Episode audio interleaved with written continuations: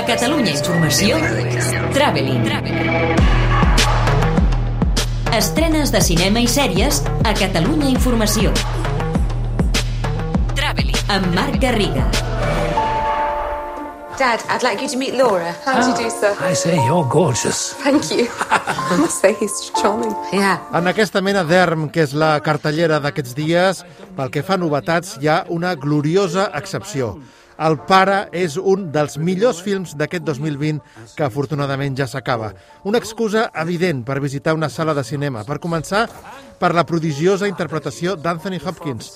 El seu director, Florian Zeller, ens ho comentava durant el Festival de Sant Sebastià, on va guanyar el Premi del Públic. Je crois que ce que Anthony fait dans le film, c'est assez Crec que Anthony. Hopkins està extraordinari en aquesta pel·lícula. Ha sortit de la seva zona de confort. De fet, com a actor mai no és en una zona de confort, però aquest cop crec que, més que mai, ha tingut realment l'audàcia, el coratge d'anar a un territori emocional molt desconegut i molt poderós.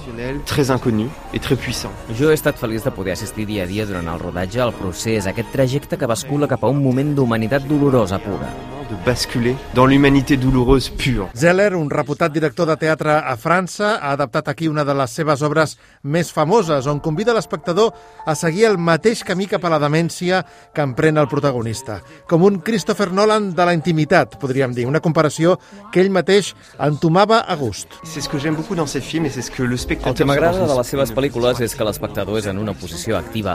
Jo tinc la convicció que els espectadors són intel·ligents i que els encanta fer servir la seva intel·ligència per navegar per una realitat mòbil. euh. L'objectiu de la nostra pel·lícula és que per al personatge d'Anthony Hopkins el temps ha deixat de ser lineal i l'espai ha deixat de ser coherent.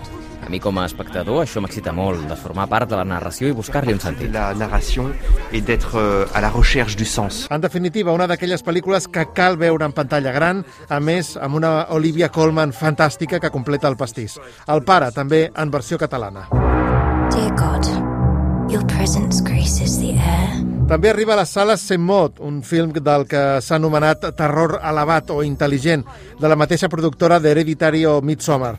Un terror psicològic sobre una infermera que es torna una devota i redempta del cristianisme fins a perdre la noció de la realitat. Una pel·lícula molt personal, impactant i sinistra, que va recollir molt bones crítiques a l'últim Festival de Sitges. Amb directora debutant i prometedora, Rose Glass, i una protagonista cada cop més consolidada, la galesa Morbid Clark. A més, també en català, trobarem l'entretinguda Els Cruts, una nova era, el film sobre cavernícoles que és la seqüela del film que fa set anys va estar nominat a l'Oscar a millor film d'animació, I Am Woman, el biopic de la cantant australiana Helen Reddy, famosa als 70 per aquest himne feminista, i la comèdia francesa Foto de família. What is this place? What's your name, honey? Uh, I'm Joe. Directe a Disney Plus s'estrena el dia de Nadal l'últim film de Pixar, Soul, on Pete Doctor intenta repetir la fórmula de Del revés, Inside Out, però en aquest cas només els grans acabaran trobant-li sentit i amb dificultats. Pels nens serà gairebé impossible arribar a captar l'existencialisme de la seva proposta, que pretén esbrinar el perquè de les nostres passions i els nostres somnis, el perquè de les ganes de viure, en definitiva. Tot i això, continua sent una pel·lícula molt digna, però no excepcional, com ens té acostumada la marca del.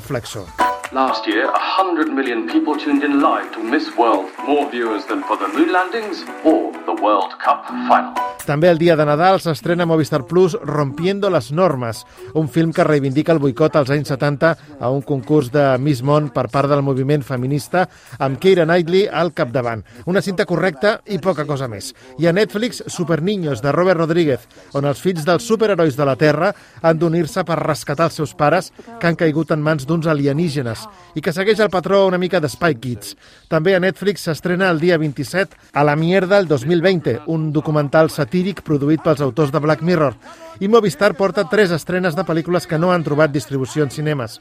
Un policía honesto, en taquilla des del 29, un discret film d'acció de Liam Neeson, Días de un extraño verano, des del dia 30, una comèdia adolescent sobre incomprensió paterna, i Històries de la morgue, un film per capítols amb històries sagnants per explicar la vora del foc amb un molt bon sentit de l'humor. All is fair in love and war. Pel que fa a les sèries Two Weeks to Live, permet retrobar-se amb Macy Williams, l'actriu que va interpretar Arya Stark a Joc de Trons, en una minissèrie de comèdia negra sobre una dona que vol revenjar la mort del seu pare quan ella era petita, ja a HBO. També s'ha estrenat El beso de Singapur a Filmin, una comèdia dramàtica encapçalada pel Charles Dance, ubicada durant la invasió japonesa de Singapur. I, per acabar, Los Bridgerton, a Netflix des del dia de Nadal, una història d'amor d'època amb una sensació de déjà vu, però que no molesta, amb uns actors joves gairebé desconeguts que traspassen la petita pantalla amb la seva complicitat. Traveling. Estrenes de cinema i sèries a Catalunya Informació. Traveling. Amb Marc Garriga.